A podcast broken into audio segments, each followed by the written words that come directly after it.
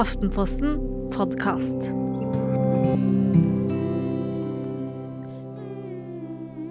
Jeg er veldig tilhenger av å la barna i fred. Eh, Så jeg er ikke noen flink lekepappa. Eh, Men jeg er ganske nærværende pappa.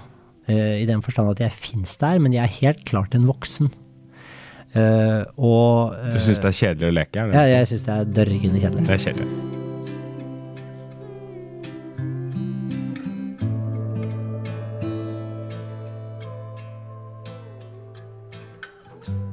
Hei og velkommen til Foreldrekoden. Du hørte nettopp en gammel kjenning snakke litt om sitt forhold til barnas lek her, og han er neppe alene.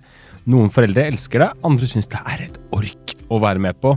Vi skal altså snakke om lek, Hedvig. Det heter seg at vi er homoludens et lekende menneske, men eh, på et eller annet nivå så gir det seg jo, for noen i hvert fall. Men hvor kommer denne lekelysten fra i oss mennesker, og da særlig barna? Det er ganske forbløffende hvordan barna kommer til verden med en større eller mindre lekeevne. Men leken ligger i barna nærmest som en programvare for sunn utvikling.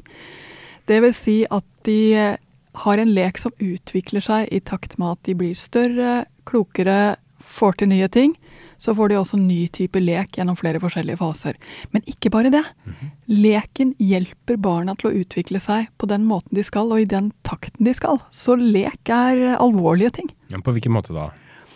Fordi gjennom leken så får barna muligheten til å utforske verden, prøve ut ting og finne sin måte å forholde seg til det på. Leken gir dem rett og slett muligheter som gjør at de vokser.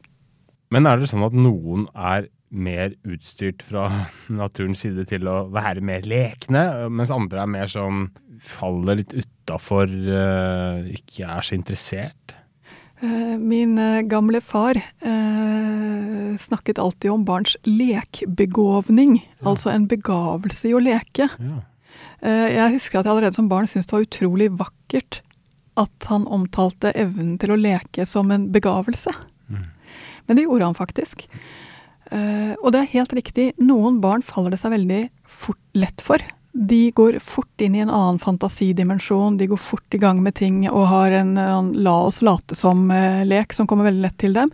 Mens andre barn trenger å ledes mer inn i det for å komme i gang. Mm. Og, men må de uh, ledes inn i det, på en måte? Er det, eller er det, er det skadelig å, å- for utviklinga, å ikke lekes med? Alle barn trenger å leke. Eh, Fordi det er der de både treffer hverandre, og også treffer de mulighetene som er utover det helt konkrete. Men det å tegne kan være å leke. Ja. Det å eh, sparke sparkesykkel kan være å leke.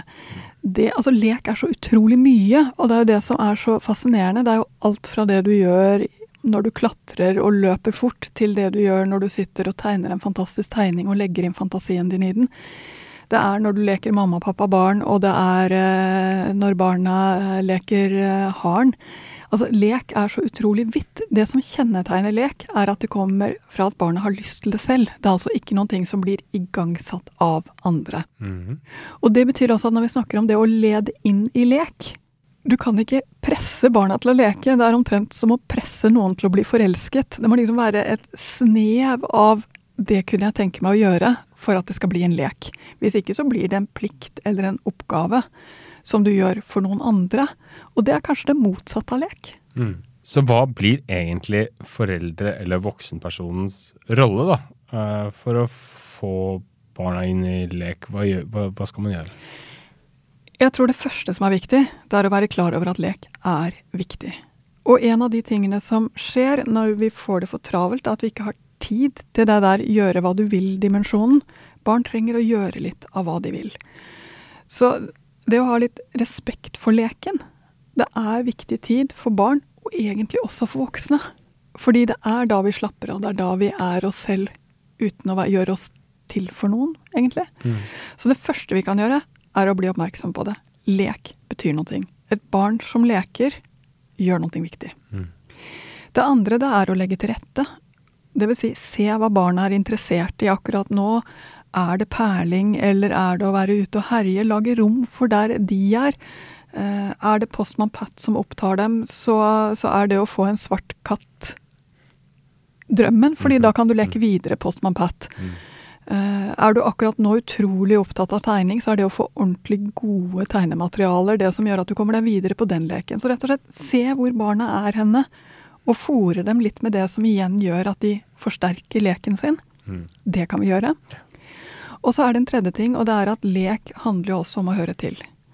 Så når vi ser noen barn som ikke helt finner, altså finner kommer i gang For noen barn er på litt sånn slow starters i å komme inn i leken. De ser at de andre drar av gårde for å gjøre noe, og så er de liksom litt for langsomme. Eh, si 'å ja, de andre løp dit', eh, og så ta dem med sånn at de kommer litt i nærheten, og etter hvert liksom klarer å koble seg på når de er klare for det. Eller når de sitter der og ikke vet helt hva de skal gjøre for noe med, med puslesakene de har fått. Eh, se om det går an å bruke dem på noen annen måte. Bruk, bruk litt fantasien selv.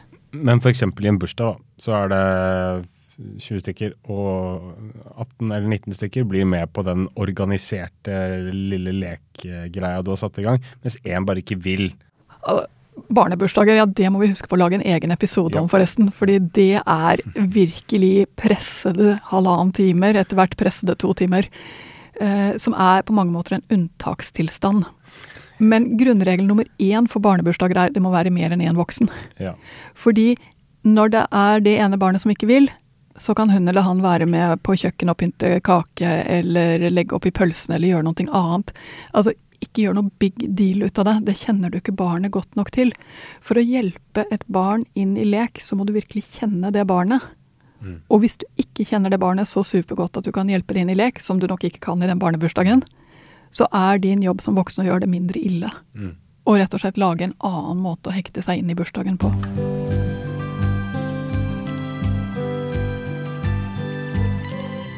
Av og til, og, og egentlig oftere i, det siste, så har eh, min sønn sagt da Hva skal jeg gjøre nå? og da, og da foreslår jeg sånn, ja, jeg kan bygge sånne kaplaklosser, som jeg syns er litt gøy, da. Eneste jeg syns er gøy, egentlig.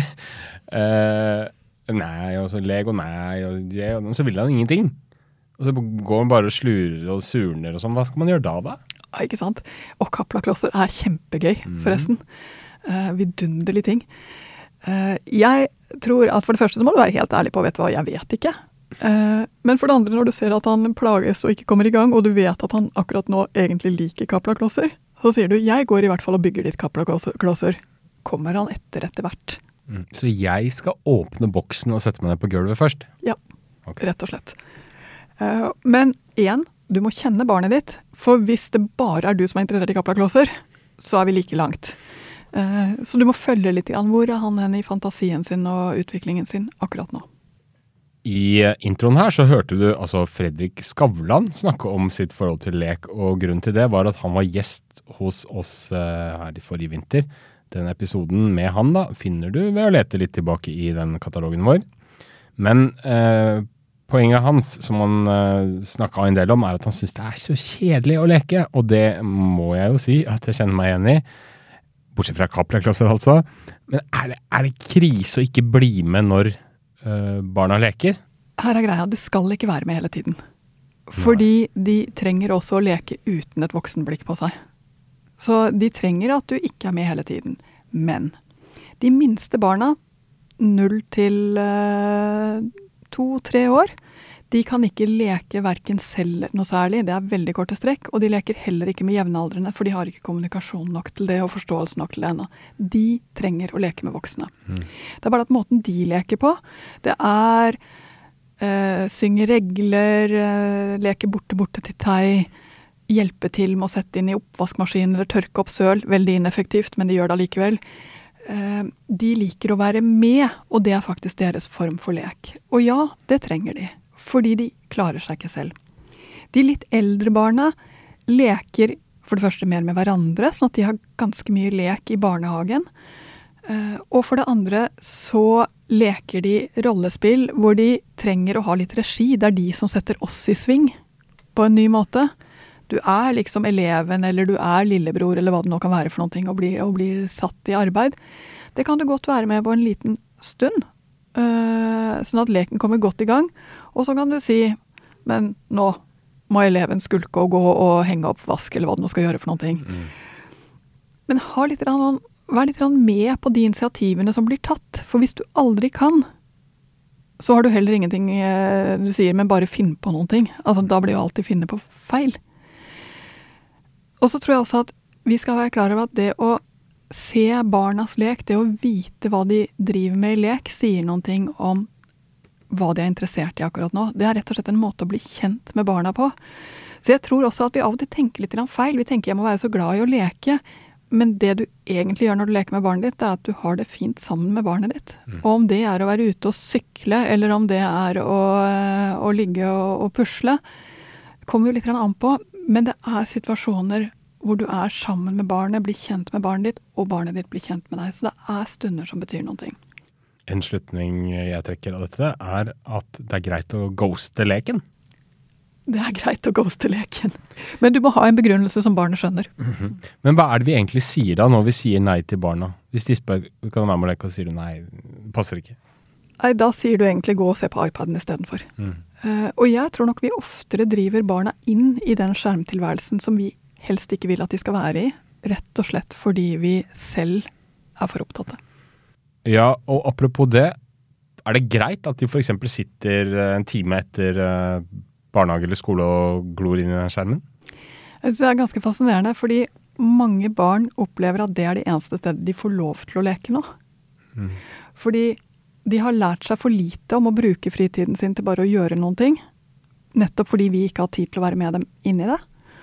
Og hvis de gjør noen ting, så er det vi som overvåker, og vi som eh, legger til rette med alleidrett og med fotball og med ting de skal gjøre etter vår pipe, som ikke er lek.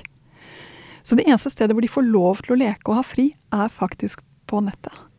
Der treffer de hverandre, der eh, er det noen som har lyst til å leke med dem hele tiden.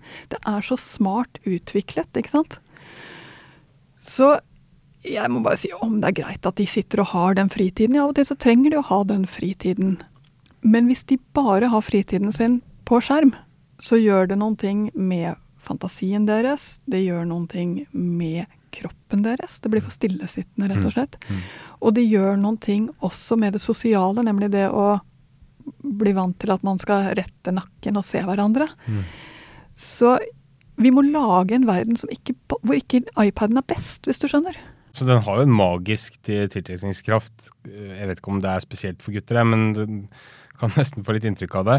Og når det blir et sånt et sug, og at det er det, bare det de vil, hva slags strategier skal man benytte seg av for å faktisk få de vekk og ut og, og bruke kroppen sin og gjøre andre ting, da? Ved å legge til rette for det, og ved å være med på det. Og i overgangsperioder også si det. Vet du hva, nå må vi ha en uke med mindre eh, skjerm. Nå blir det sånn og sånn. Altså rett og slett sette Lage noen rammer. Men ikke gå i fella og si at sånn blir det for alltid. Mm. Eh, for, det, for det første så lager det enda mer protest. For det andre er det ikke sikkert at du kommer til å klare å holde det. Men ta liksom noen perioder hvor du viser frem andre ting, og også tar deg tid til å vise frem andre ting. Det kommer til å ha en effekt. Nei, for det hjelper kanskje ikke å si Nei, nå må du skru av. Nei, nå må du gjøre noe annet. Nei, nå må du gå ut og finne på noe. Man må liksom være konkret. Jeg tror vel alle foreldre har prøvd den strategien som du sa der. Eh, sikkert hjemme hos deg også. Og det funker jo ikke. Nå har du sittet altfor lenge, nå må du gjøre noe. Har aldri fått noe barn til å heve blikket.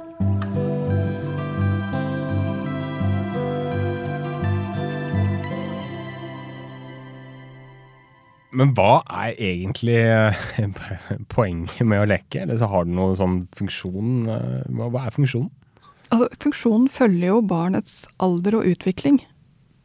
Men det er noen veldig viktige ting å være klar over. Det ene er at leken er med på å trene barna sosialt, og også trene opp fantasien deres. Eh, muligheten til å liksom sprenge grensene lite grann. Og så er lek også veldig terapeutisk. De leker ting som de er opptatt av, på godt og på vondt. Og det betyr også at når barn har vært igjennom vanskelige perioder, eller sett ting som er for voldsomme for dem, eller et eller annet ja, koker litt, så er det å leke det en måte for dem å pakke det sammen på og gjøre det mer overkommelig og ta det med ved seg videre. Mm. Og det, det, tror jeg nok av og til skremmer oss voksne litt. fordi at når barna da har opplevd at, at en i familien er syk, så kommer de til å leke sykehus, og de trenger å leke sykehus. Mens man får litt sånn lyst til å si å nei, men du trenger ikke det, du trenger ikke å tenke på dette nå. Mens det egentlig er det motsatte de trenger. Da trenger de å få det stetoskopet og få lov til å leke det ut. Fordi det har vært en dramatisk ting. Og jeg kan love at på det sykehuset så kommer noen til å dø. Fordi sånn er det når man leker sykehus. Og det er også helt greit. Barn har en veldig evne til å skille hva som er lekedød, og hva som er ordentlig død. Mm.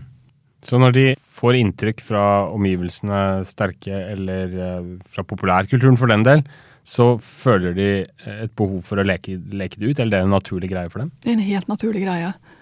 Og det, det har jo alltid vært litt det har alltid vært litt kilent, det der. Jeg husker uh, da jeg vokste opp, så gikk det en serie på TV som het Roots, som var om slaveindustrien mm -hmm. I Amerika. Den fikk vi selvfølgelig ikke lov til å se, vi var for små. Uh, men det var alltid noen i klassen som hadde klart å snike seg inn og få et lite glimt og komme tilbake igjen oppspilt og hadde sett dette her og fortalt det til alle oss andre. Og så gikk vi i gang og, og lekte slaver og, og herrer ut ifra de små inputene vi fikk fra ja. denne som hadde klart å snike seg inn sin historie. Ja. Så det, det, var, det, var, virkelig Men det var jo viktig for oss å skjule det for de voksne, for vi fikk jo egentlig ikke lov, så vi var liksom nødt til å finne sånne arenaer hvor det gikk an å, å, leke i smug. Ja, nettopp. Og det leder jo oss over uh, på en elegant måte til et, et, aktuelt spørsmål nå. Fordi jeg møtte en, en kamerat for en ukes tid siden. Han var litt bekymra fordi barna, eller datteren, hadde begynt å leke Squid Game. Er det skadelig at barna spiller ut dette her, som er noe Det er jo veldig brutalt. Det er veldig, veldig brutalt. Og Squid Game må jeg bare si, det ser ut som det er en uh, barneserie hvis man ser litt fort på det, men det er en veldig, veldig mørk, samfunnskritisk serie som setter fingeren på, på noen autoritære trekk i samfunnet. For voksne må jeg bare si at det er en ganske rystende serie å se. Mm at barn fanger opp dette her. Og det er også laget nå altså Roblox har en Squid Game-variant. Eh, så, så, det er jo blitt tatt fra, altså fra barnekulturen inn i voksenkulturen, tilbake inn i barnekulturen, mm. hvis du skjønner. Men jeg vil helt generelt si det er mye bedre at barn leker ting som de er opptatt av, enn at de ikke gjør det. Hvis de ikke får lekt det ut, så får de heller ikke bearbeidet det og gjort seg ferdig med det. Og jeg må jo si, det var jo ingen av oss som ble slavedrivere på 70-tallet. Eh, det som er med, med en lek som Squid Game-leken, er at den kan virke voldsom for dem som ikke skjønner hva som skjer. Altså de som ikke har fått denne informasjonen mm. om hva er det det handler om. Mm. Så jeg tror det ene er at hvis man merker at nå er barna i gang med dette her, så kanskje man må si det. Ok, hva er det for noe? Altså være litt nysgjerrig. Uh, og, og, få liksom deres forståelse på det. Barneforståelsen er mye mindre dyp, rett og slett for de kan ikke ta inn over seg dybden. Det andre vi skal være klar over, det er at da kan vi også koble på litt av de som ikke vet noen ting, sånn at de også kan få uh, ja, koble seg på. Og så er det det tredje. Det er det at barn skiller veldig mellom lek og alvor. Uh, de syns av og til nesten det er litt flaut hvordan voksne ikke skjønner det å dø på lat. Mm. Men det er det de gjør. Mm. Uh, og jeg, jeg syns av og til det er fascinerende altså når man prøver å forby lek, så det eneste som skjer, altså det er ett av to som skjer. Enten så får barna ikke lekt ut noe som er viktig for dem. Det er synd. Fordi da gnager det seg mer fast. Eller så bare finner de et sted å leke det hvor den voksne ikke, ikke ser det. Eh, et av mine barn eh, for tiden er dypt inne i en lek som er å leke virus. Ja.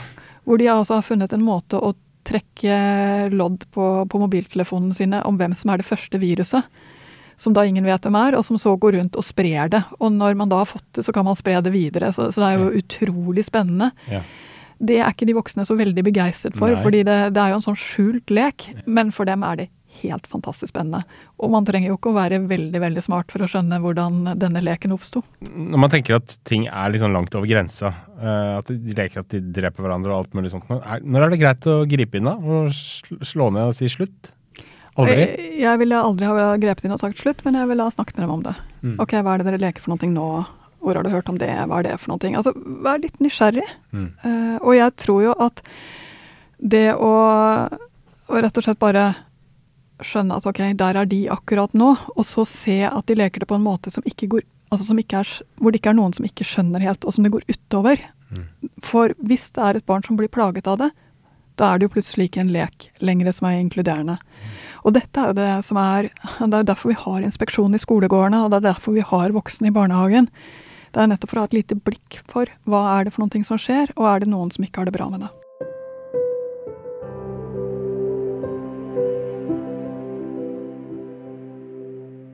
Man har jo kanskje en tendens til å tenke at de lekene man selv lekte som barn, er de reneste, sunneste, fineste aktivitetene man kan drive med. Veldig mye sånn nostalgi. En favoritt jeg selv hadde, var Høl i hatten. En veldig enkel bokstavlek med en tennisball som eneste rekvisitt. Men jeg tror kanskje at den er litt utdatert. Eh, hvordan skal man finne, få barn til å finne glede i mer sånn harmløse, uskyldige, analoge, fine, aktive leker? Helt generelt, altså få barn med på Få, få dem opp og med. Altså leken handler jo om å dele et fantasiunivers. Og det går ikke an å forlange at de skal gå inn i ditt fantasiunivers uten at du har invitert dem inn og vist det frem. Nei. Eh, så av og til tar vi jo for gitt at barna f.eks. skjønner hull i hatten. Men jeg husker jo da jeg, da jeg drev med noe sånn eh, uskyldig kaste ball-ting med barna mine, hvor glad de ble bare for at vi lekte sammen. Ja.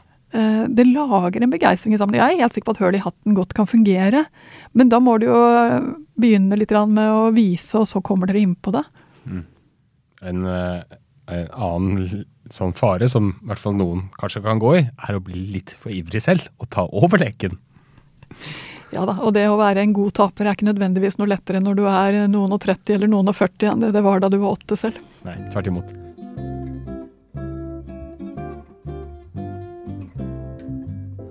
Ja, det, det er jo eh, snart jul, rett og slett. Og vi skal samles sammen foran hver vår skjerm. Kanskje ikke, jeg håper ikke det, da. Eh, men du, eh, Hedvig Montgomery, du slår et slag for en god, gammeldags julelek. Stemmer ikke det å bruke tiden på det? Altså det, det, høres kanskje rart ut, men det er helt klart at hvis du vil ha barn som gjør noe annet enn å se på de nyeste tingene på skjermen sin i jula, så må du gjøre noe annet sammen med dem også. Og har du den minste tradisjon i familien din, med å danse rundt juletreet, med å gå ut på jakt etter hvor nissen kan tenkes å være for å kunne sette ut grøt til ham, med å lage et fantasiunivers og et lekeunivers rundt julen, gjør det. Fordi det er å oppleve noe sammen, felles fokus. Det er å gjøre verden enda litt mer felles, trygg og vår. Og det er å lage tradisjoner. Som du kan gjøre til neste år og til neste år og til neste år. Unger elsker tradisjoner, de elsker felles fokus og sammen, og de elsker jul.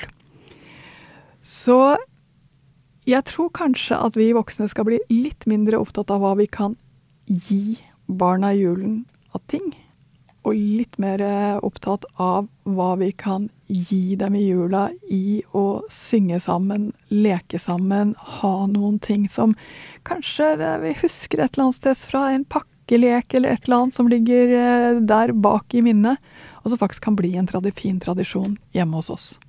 Hvilken vil du anbefale? Pakkeleken er faktisk en ganske ny tradisjon i vår familie.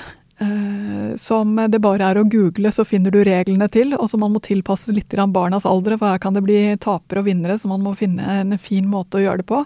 Men det har vært stor suksess med mine barn etter at de kom opp i skolealder. Yngre barn alt som har med fantasifigurer og nisser og engler å gjøre. Og så må jeg jo si at nå er jeg svensk, og i Sverige så synges det nok mer. Men det å synge sammen er fint i jula. Jeg tror likevel ikke at vi skal avslutte med noen sang, selv om det kanskje hadde vært uh, passende. Fordi at dette var sesongens siste episode av Foreldrekoden. Har du et uh, sånn på tampen av sesongen avsluttende budskap eller hilsen ut til uh, lyttere som de kan knuge til sitt hjerte og tenke på når de føler for det? Det er så rart med det, for man skulle jo tro at det å oppdra barn hadde noen sånne absolutter, noen ting man alltid må. Men det er ikke noen ting man alltid må. Det å være i familie er nettopp å leve sammen. Så det å finne en måte å leve sammen på som er dere Det finnes så mange måter. Jeg sier alltid det finnes tusenvis av måter å leve lykkelig på. Og det å finne sin er egentlig det det handler om. Da lar vi det være siste ord for denne sesongen, rett og slett. Da sier vi vel bare god Jul. Ja, god jul! Vi høres.